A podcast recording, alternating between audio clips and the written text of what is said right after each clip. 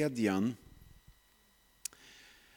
Två viktiga ord som har blivit ännu viktigare i förståelsen av att eh, om jag tillber någon så är det att jag har en förtröstan om att den personen är värd den beundran, den lovsång jag ger eh, och i och med det så växer också, så ökar min tillit och eh, jag vågar ge mig hän i min tillbedjan, vågar vara mer uttrycksfull och växa i det här. Och jag har en jättespännande och lite annorlunda bibeltext att utgå ifrån här.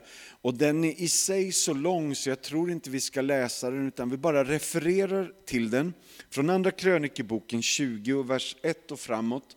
Och jag minns inte, jag tror det är upp till 24 eller 26 eller något sånt där som våran story utspelar sig. Det är Israels folk och det är en faslig massa andra folk som tänker slåss mot dem. Jag ska se, jag hittar ju den här i eftermiddag. Kan jag sköta via den här? Nej, det kan jag inte. Jag kanske har slått av den. Men du kan bläddra igen så kan vi få se lite, eh, när, när sker det här som bibeltexten handlar om?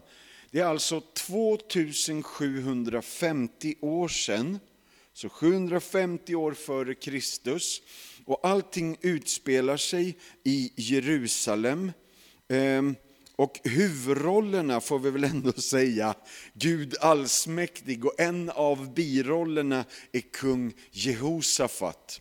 Och krisen som de står inför är en smygattack från tre arméer från sydost. Titeln eh, är Kriser kan krossa kungar, men Jesus Kristus är konungarnas konung. Det var en väldigt lång titel eh, för övrigt. Och lösningen på låsningen, om man vill ha något väldigt kortfattat, är gå med i ett lovsångsteam. Lösningen på låsningen är, är faktiskt tillbedjan. Och det här är inte enda gången det här händer. Utan lösningen på låsningen i till exempel Jona bok, det är att redan innan han har blivit uppspottad på land så står det i Jona bok kapitel 2 att han lovsjöng i fiskens mage. Bara processa det lite och fundera på vad du åt i eftermiddags. Så, det, och det är bara Jona, vi kan, vi kan, vi kan ta eh, Jobb, kapitel 19. Eh, jag vet min förlossare lever, en dag ska jag få se honom sån som han är, om än min kropp förgås ah, han lovsjunger i kapitel 19. Och det är inte förrän i kapitel 39 som han får svar på, är det Gud eller djävulen som ligger bakom det jag har gått igenom? Alltså, då tycker jag då är det lite tidigt att lovsjunga. Alltså när man har fått reda på, är det du Gud eller är det någon annan? Eh, för om det var du, då tänker inte jag sjunga till dig nämligen. Han lovsjunger i kapitel 19 redan. Och det här ger oss ett mönster, för vi har gillat att läsa bibeltexterna om till exempel, är det Andra Mosebok, eh, när eh, Egyptens här är efter Israels folk och Miriam stämmer upp i en lovsång i kapitel 15, va? eller 14. Då gillar vi att Miriam sjunger eh, när segern är vunnen. Och så tänker vi att det är så Bibeln funkar, att vi, vi tillber Gud och tackar honom. Ja, det är riktigt och det är rätt, det bör vi göra. Men grejen är, vi har alldeles för många bibeltexter där tillbedjan sker innan. Där tillbedjan sker, och till och med, det här, nu blir det jobbigt, då, tillbedjan sker utan seger. Därför att vi är per definition ett tillbedjande folk. Vi lovsjunger och tillber Gud hurdant läget än är. Och vi tillber inte honom för att han, till exempel om vi i Apostlagärningarna 16 sitter i fängelse, som Paulus och Silas, i innersta fängelsehålan, i innersta, djupaste liksom grottan där, så tänker de kanske som vi gör, eftersom vi har gått i söndagsskolan någon gång, att bara vi sjunger så öppnas alla dörrar. Alltså de har inte suttit i det här fängelset förut, de vet inte att dörrarna kommer att slå upp och att de andra fångarna kommer att höra på. Det vet vi som har gått i söndagsskolan och läst texten förut. Men här har vi ett lovsångsteam som inte tänker, hmm, hur ska vi vara sluga och liksom vri upp armen på Gud så att han gör som vi vill. För det kan ju vi tänka att det hade ju varit smart liksom. Och, och ha ett, ett bra upplägg här så att vi får med Gud på det vi har planerat. Då.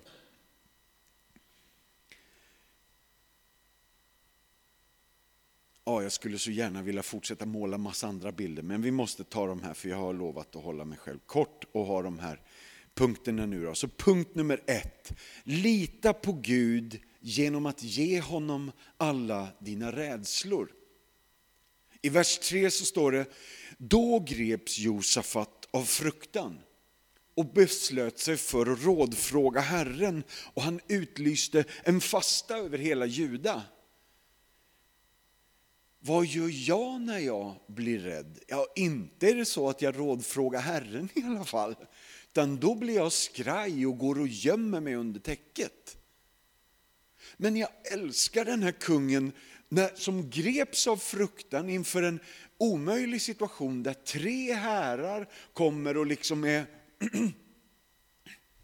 armkrok med varandra.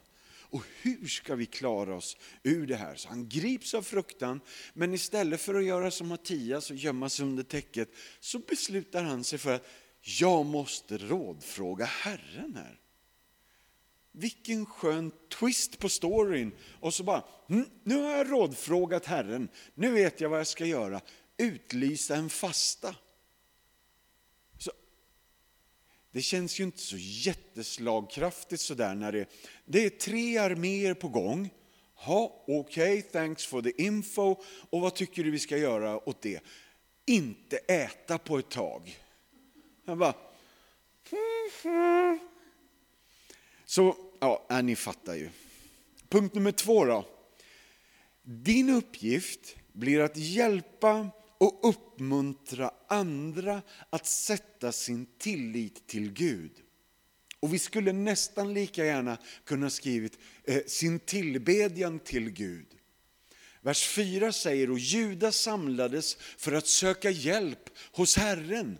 Och från alla Judas städer kom man för att söka Herren. Jag tänker, eh, det är tre arméer på ingång. Ska vi inte liksom bara, hur många svärd har vi? Är de vassa? Hur många spjut har vi? Ska vi slipa lite på dem? Hur många lansar har vi? Hur många hästar? Eh, den grejen tänker jag att jag hade tyckt att ska vi utlysa en sån istället? Och de bara, nej, nu samlas vi och söker hjälp hos Herren. Precis som på förra punkten, det här är lite annorlunda. Och det här hjälper mig från liksom, när, jag avslöjar för mycket om liksom när jag blir rädd, men jag får ju ett tunnelseende. Liksom. Jag, jag, ja, det är inte så ofta, men, men ja, ni fattar. Ni fattar. Punkt nummer tre, den här är ännu lättare att komma ihåg, för den är kort till och med. Punkt nummer tre är ropa till Gud. Vers 5 säger, Josafat steg upp i Judamäns och Jerusalem församling i Herrens hus framför den nya förgården. Och så fortsätter det med, hörni, nu är vi samlade här och nu tar vi och fortsätter fastan och så tillber vi Gud tillsammans. Jag bara, han tänker inte ge sig den här killen. Istället för att liksom testa lite olika öppningar, vilket jag hade gjort, att liksom, okej, okay, vi fastar, men vi slipar lite på, på svärden också. Så han bara, nej, nu är alla här, nu fortsätter vi det ni gjorde hemma. Och liksom, jag får känslan av att gudstjänsten i det här läget är bara en förstärkning av det vi gör i husgrupperna och det, det vi som troende gör i vår relation till Gud.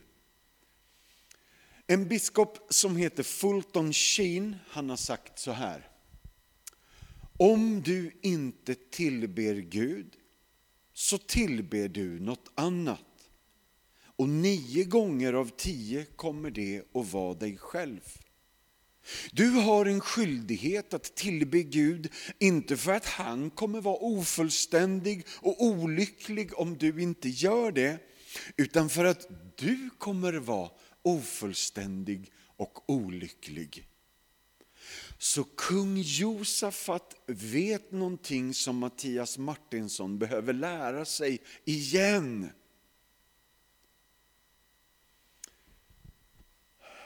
Det finns en nunna i Dominikanerorden som heter syster Sofie och hon har sagt ungefär så här. Jag, jag friåker lite här, men hon har sagt man blir sig själv när man glömmer sig själv, när man tackar och lovar och beundrar. Så det Josafat har lärt sig och det syster Sofia har lärt sig och det biskop Fulton säger är att när jag släpper alla mina och liksom bara Gud, du är god, du är trofast, du är evig, du står över till och med corona fast vi inte trodde det. Och när jag liksom fäster mitt fokus högt och jag refererar till en lovsång som Bengt Johansson skrev för några år sedan som jag tror till och med hette Hög fästpunkt har jag i dig. Så att jag liksom inte ger efter för allt det här som fullständigt kan skrämma livet ur mig och göra mig ofullständig och olycklig, säger biskop Fulton Sheen. Utan Ibland pratar vi om vår lovsång och tillbedjan i gudstjänsten som att det är aldrig någon som har sagt det här utan jag bara överdriver nu. Det är jobbigt att vara Gud. Vi behöver sjunga lite för honom. Om vi tar och klämmer i ordentligt och peppar honom med en lovsång. För det kan inte ha varit lätt för honom att vara Gud det sista året här, eller åren. Så, så vi vill liksom ge honom en lovsång som han förtjänar. Och, och det låter ju korrekt men någonstans så hör ni att det skaver i totalsynen här. För att Gud är Gud och han är fullständigt förnöjd i sig själv. Och det han vet är att om vi tillber honom då blir vi oss själva som syster Sofie sa. För hon har ju inte bara hittat på det själv eh, utan det, det har hon hämtat ifrån Guds ord. Kommer ni ihåg när lärjungarna får frågan av Jesus, vem säger folken att jag är? Och lärjungarna killgissar, ger lite olika alternativ. De drar till med, ja vet du att någon sa till mig att han kanske är Elias som har uppstått och alla bara, va? Vilken konstig kommentar. Ja, sen var det någon annan som sa att du är nog Johannes döparen som har uppstått. Det är ännu konstigare. För det är bara liksom några månader sedan han, han dog. I alla fall, och all, allt det här händer. Ett sammelsurium av frågor och funderingar. Till slut frågar Jesus, och ni då? Vem säger ni att jag är? Och det blir knäpptyst på 11 av 12 killar. Alla bara vem säger vi att han är nu då? Vad? Nej, ja, pass. Och till slut så säger Petrus, jag tror att du är Messias, den levande Gudens son. Och då svarar Jesus, salig är du Simon Barjona, till ingen människa av kött och blod har uppenbarat detta för dig, utan min himmelske fader. Och jag säger dig, lyssna här nu då, nu kommer vi fram till det som biskop Fulton Sheen, syster Sofie och det kung Jehosafat alla är överens om. Att man blir sig själv när man glömmer sig själv, när man tackar och lovar och beundrar. För nu säger Jesus, Simon Barjona, ingen människa av kött och blod har uppenbarat detta för dig, utan min himmelske fader. Och jag säger dig, du är Petrus, klippan som jag ska bygga min församling på Och de här killarna har gått ihop några månader nu. Och bara, va? Petrus? Nej, han heter Simon. Det, det vet jag, för det är min bror, säger Andreas. Och så säger Jakob, nej vi är grannar, vi har växt upp i samma stad. Han heter Simon och Barjona heter han i efternamn. Så nej, Petrus heter han inte. Gång efter annan i hela Bibeln, om vi skulle ha mer tid till det här, så är det i avgörande ögonblick, när en människa förstår vem Gud är, så berättar Gud för den människan vem han eller hon är. Så det här är själva kärnan i tillbedjan. Att vi inte bara Gud har en dålig dag. Han har haft lite för många måndagar det sista. Och, och han, nu behöver han lite uppmuntran, för han har suttit på sin tron i all evighet och det har varit länge nu. Och det blir slitsamt till slut. Så om vi bara sjunger ju mer vi är tillsammans, ju gladare vi blir för honom här nu. Nu krokar vi arm. Är ni med? Ni hör ju hur befängt det låter.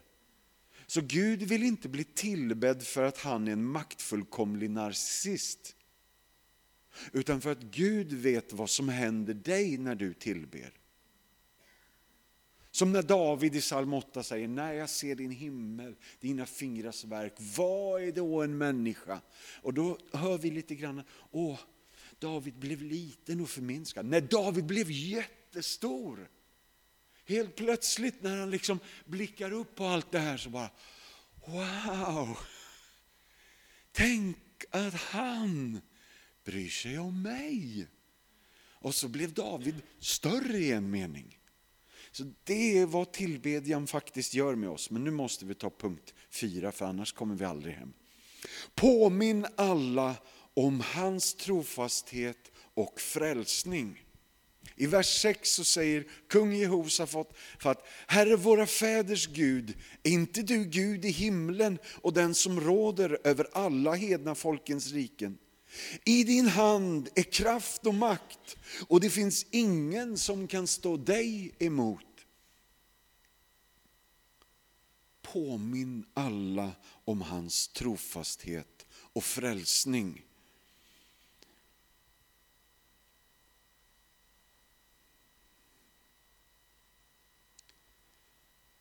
Vi kan bläddra igen så förklarar jag vad jag menar med det här. Då. Kriser ska leda mig till Kristus. Men verkligheten är att ofta är det så att Mattias Martinssons kriser leder till kaos. Men Gud har för avsikt, han sänder aldrig kriser, men när han tillåter kriser så är det i slutändan jag är medveten om att kriser och kaos är smärtsamt, men i slutändan så leder de mig alltid till Kristus. Vare sig det är att det här livet är över och jag kommer in i Kristi omedelbara närvaro, vilket ibland händer, trots att vi ber om helande under. Eller att jag är kvar i det här livet och får en erfarenhet så att jag kan vara andra till tröst genom min krasch, min kris som ledde mig till Kristus. Och här i vers 12 tycker jag han gör det så oerhört vackert. Ska inte du, vår Gud, hålla dom över dem? Det tycker vi nämligen. Vi förmår ingenting mot denna stora skara som kommer mot oss. Och nu då, det här, det här är det jag tycker inte bara är så poetiskt vackert. Och vi vet inte vad vi ska göra. Men våra ögon är vända till dig.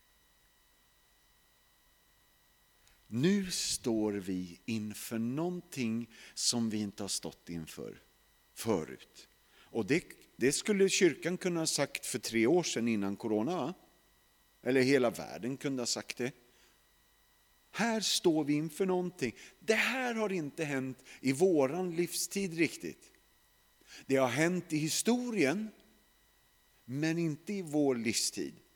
Så vi har inga direkta verktyg i våran verktygslåda där vi vet att nej, men när en sån här situation händer, då tar man fram den här ragmok, ja, Jag försökte göra ett verktyg här, men det gick inget bra. Så här kommer Jehosafat och så säger han, vi vet inte vilket verktyg vi ska ta, för Jehosafat kommer från Göteborg också. Så, så vi har ingen aning vilken skiftnyckel vi ska ha till den här situationen Gud. Men våra ögon är vända till dig. Har du någon skiftnyckel ja, för den här situationen? Det, vi gör det väldigt, väldigt konkret. Jag har berättat för er förut att vår dotter höll på att dö ifrån oss när hon var 12 år gammal. Vi låg på Östra sjukhuset och sjukhuspersonalen eh, slet sitt hår för de, de fick inte det genombrottet som behövdes för att hon skulle hitta tillbaka till livet. Utan hela hösten gick mot en, ett eh, snabbt avslut bara. I hela den resan så utmanar sjukhuspersonalen mig och Therese. De är inte troende, men de säger ni måste ut och gå, ni måste lyssna på andra röster än de ni hör här inne. Ni måste ta till er annan information och gå långa promenader. Få in syre i kroppen, få andra tankar in i systemet för att det här är ett levande helvete ni är i just nu. Så våra promenader, eller mina promenader, jag kan tala för Therese också, hon sjöng Blott en dag, ett ögonblick i sänder och någon annan lovsång som jag inte kommer ihåg just nu. Och så skrev hon en lovsång som hon snart ska spela in faktiskt. Så det där höll på inom henne och inom mig var det en sång från Hillsong Australien där de sjöng There is another in the fire. Alltså Sadrak, Mesak och Avenego som upptäcker att det är en fjärde med oss här i elden. Och hur kung Nebukadnessar tittar in i elden och tänker, nu har de väl ändå brunnit upp. Nej, en, två, tre, fyra och så bara, var det inte tre vi skickade in? Jo, det gjorde du. En, två, tre. Det är en fjärde där inne och han ser ut som en gudason och jag, här, jag bara älskar sådana här grejer en gudason går där inne. Så vi vet inte vad vi ska göra, men våra ögon, de är vända till dig. Och bara för att, när vi ändå är inne på Sadrak, Mesak Avenego och vår dotter, så blev hon friskförklarad eh, för över ett år sedan. Ja, tack gode Gud och halleluja. Eh, men Sadrak, Mesak Avenego, för du som, dig som tycker det är spännande, i apokryferna Alltså det finns inte i din vanliga bibel utan de här tilläggen. Martin Luther säger det är god och nyttig läsning i alla fall. Även om det inte är Guds ord så är det ändå bra läsning. I apokryferna så finns det ett tillägg till Danielsboken 6. Och där sjunger Sadrak, Mesak och Abednego i ugnen. Den du! och jag bara, vad sjöng de då? Liksom. There's, uh, vad heter han? Johnny Cash, Ring of Fire. Eh, eller vad hette han från Göteborg? Eh, Q hette han. Cause I'm burning. Om jag bara, ja, ni hör ju, min hjärna är inte frisk. Men jag älskar att de konstaterar, här står vi slätt. Vi vet inte vad vi ska göra. Men du Gud, våra ögon är vända till dig eh, eftersom du är Gud. Du har koll och kontroll, du råder och regerar. Allting är i din hand och ingenting är dig förutan.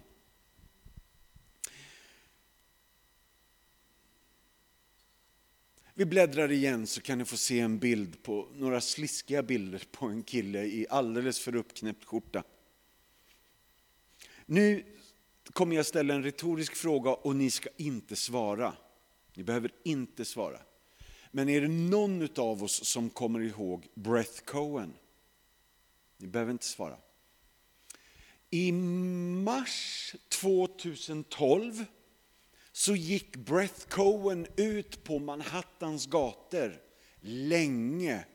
Han klev ut från någon liksom storslaget hotellentré i den här glansiga skjortan med något guldhalsband och med några sådana här plastiga glasögon som skulle se väldigt dyra ut och en skjorta som faktiskt egentligen var dyr men han hade hittat den på någon second hand.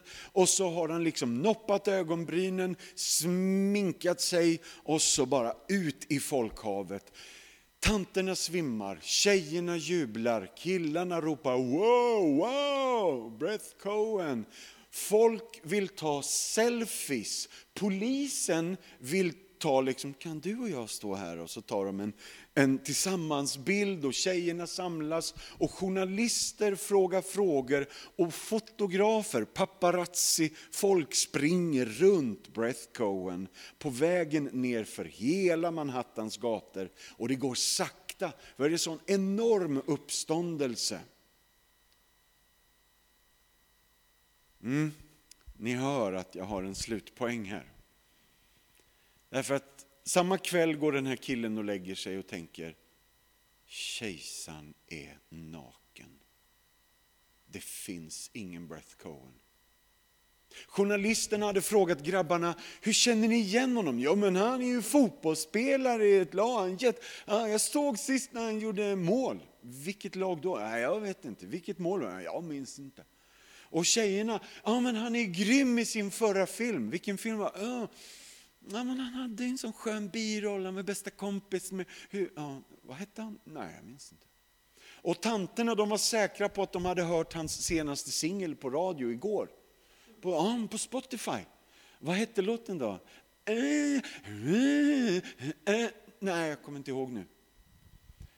Hörni, det fanns ingen fotbollsspelare, det fanns ingen filmstjärna och det fanns heller inga låtar på Spotify. Det enda han hade gjort var att han bevisar för hela världen att vi är galna efter att få tillbe någonting eller någon. Morgonen därpå satt han i tv-programmet klockan åtta och bara garvade åt hela grejen. Så good morning America, alltså vad blåsta ni blev igår. Alltså paparazzi-fotograferna var kompisar från skolan. Eh, de här stora bodyguardskillarna, de hade han hyrt in för han tänkte, har jag ett par sådana så är sannolikheten större att det blir ett litet bass när jag kommer gående. Mycket riktigt, när de kom med sina sådana här snäckor i öronen. Så vi är, ni hör ju. Biskop Fulton Sheen eh, eh, säger det korrekt när han säger att det, det är inte Gud som är ofullkomlig. Det är jag, det är jag som behöver tillbe honom.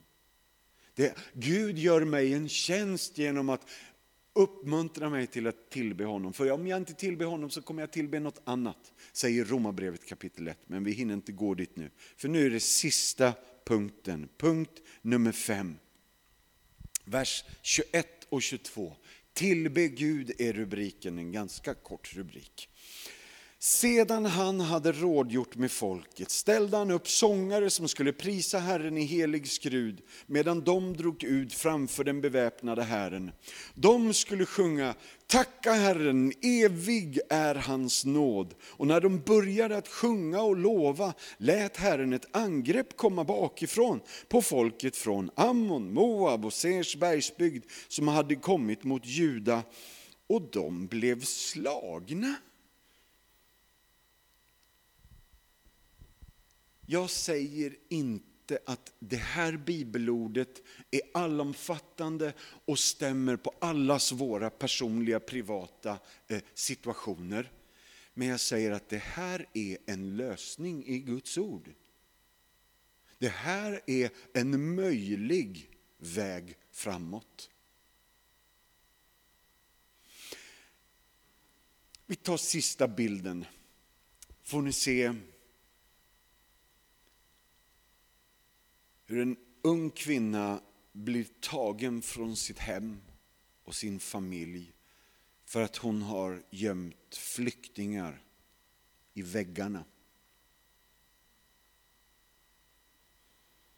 Väl på Auschwitz-Birkenau så upplever hon att hennes syster som hette Hattie nog troligtvis höll på att förlora förståndet. För en dag kommer systern och säger, Vi prisar Gud för lopporna i våran förläggning. Alltså det var ju djupt problematiskt att vara där de var, men att i den vidrighet som de blir utsatta för, att börja prisa Gud för lopporna, det kände inte Corrie ten Boom var en möjlig väg framåt. Varken för henne eller systern. Men så börjar systern referera till första Thessalonikerbrevet 5 och 8, tacka Gud i alla omständigheter. Och Corrie tänkte att nu är sista skruven fullständigt lös här. Ända tills systern börjar förklara, har du märkt att sen lopporna kom så kommer inte soldaterna in i våran barack. Och vi får ha våra bönemöten, lovsångsstunder och bibelstudium i fred. Där fattar Corrie att Hattie har inte tappat hatten. Utan hon har fattat någonting. Okej, okay, det här är omständigheterna vi är i och vi fattar ingenting. Men Gud, vår blick är fäst på dig. Corrie ten Boom överlevde och skrev en bok som heter Gömstället. Ni som var med på 70-talet minns den. Men hennes syster överlevde inte Auschwitz. Men Corrie och hela hennes liv är en lång berättelse om försoning och förlåtelse. Så alltså hon vägrade att sjunga den där mörka svarta sorgesången utan hon säger Gud, jag vill sjunga om vem du är, vad du har gett och gjort och jag kommer tacka dig till och med för lopporna. Och jag är medveten om att hon är en utmaning, men vi skulle kunna hitta fler, både i Guds ord och i vår kyrkohistoria. Nu ber vi tillsammans.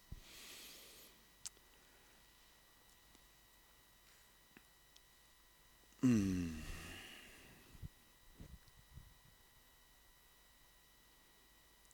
Herre, vi vill bara sträcka oss efter dig den här kvällen. För du har gett något, du har gjort något som gjorde att, att, att Hatti fattade Thessalonikerbrevet. Men också att Corey kunde förstå att här finns ett djup som jag inte alltid har snuddat vid, men behöver återvända till. Herre, vi vill bara uttala att, att vi är ett uppståndelsens folk. Men ibland tycker vi att det dröjer. När det inte dröjer, hjälp oss att lovprisa dig.